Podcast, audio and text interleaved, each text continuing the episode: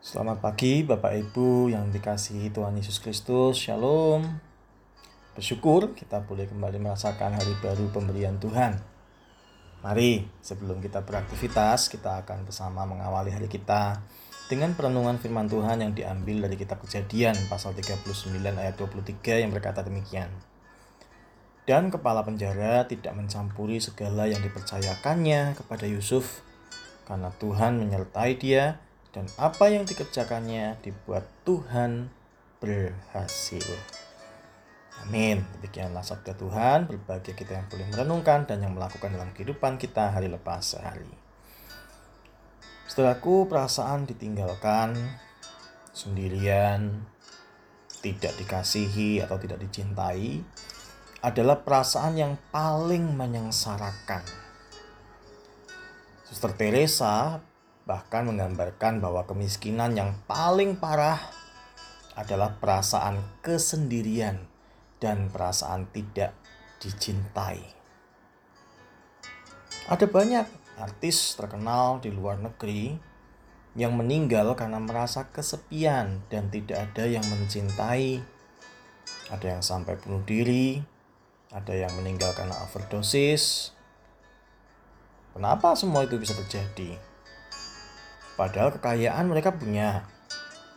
Popularitas mereka ada. Diidolakan orang. Dan banyak yang menginginkan kehidupan seperti yang dia jalani.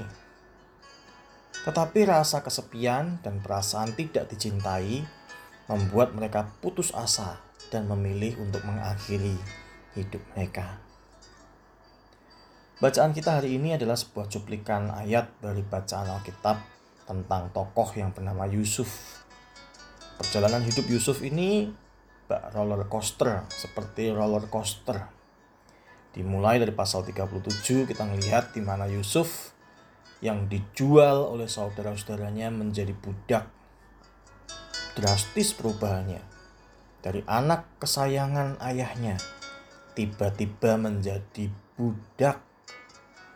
Dia menjadi budak yang tidak yang bekerja dan tidak dibayar karena sudah dibeli oleh tuannya.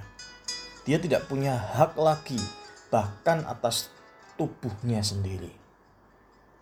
Namun yang menarik, Yusuf tetap bekerja dengan jujur dan tekun.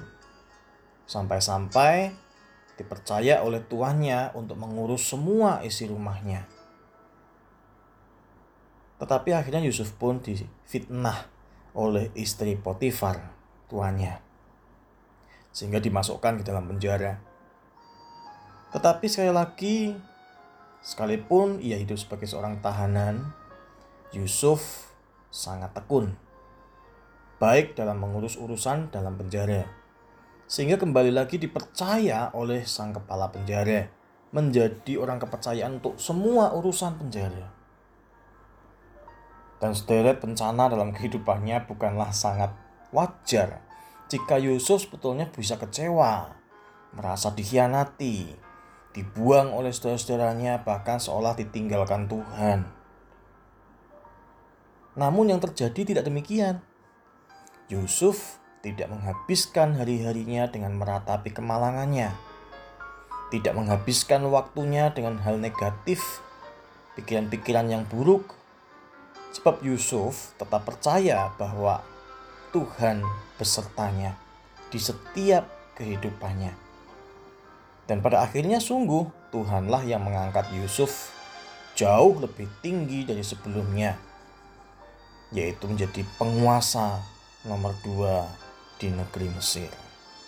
Bahkan firman Tuhan mengatakan, Tuhan menyertai dia. Apa pun yang dikerjakannya dibuat berhasil.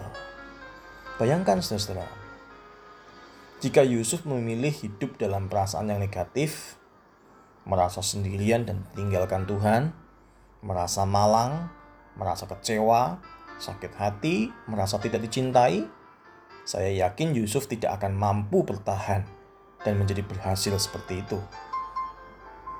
Karena itu Bapak Ibu yang terkasih, jika hidup kita ini menjadi seperti Yusuf, apa yang kita lakukan? Ada dalam posisi Yusuf, apa yang akan kita perbuat?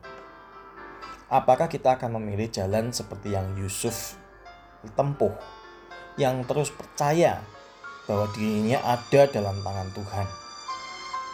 Memiliki hati yang mempercayakan diri penuh pada pemeliharaan Tuhan. Ataukah kita memilih dikuasai oleh hal-hal yang negatif, pikiran-pikiran yang buruk yang membuat kita merasa dilupakan, ditinggalkan Tuhan. Tuhan tidak pernah berjanji hari itu akan selalu cerah, ya. Hidup kita lancar tanpa masalah. Tidak. Namun Tuhan berjanji akan selalu menyertai kita hingga kepada akhir zaman. Ke mana pun, di mana pun kita ada. Apa yang buruk, apa yang jahat, yang bisa saja sedang kita alami, Tuhan bisa memakai semuanya itu untuk menjadi kebaikan bagi kita. Karena itu marilah kita memiliki sikap hati yang positif seperti Yusuf.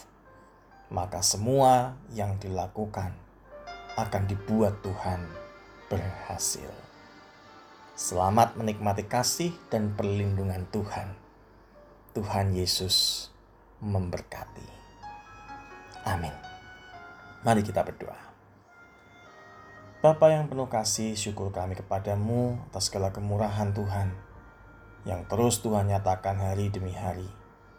Perlindungan, penyertaan Tuhan tengah-tengah segala krisis kehidupan yang kami hadapi.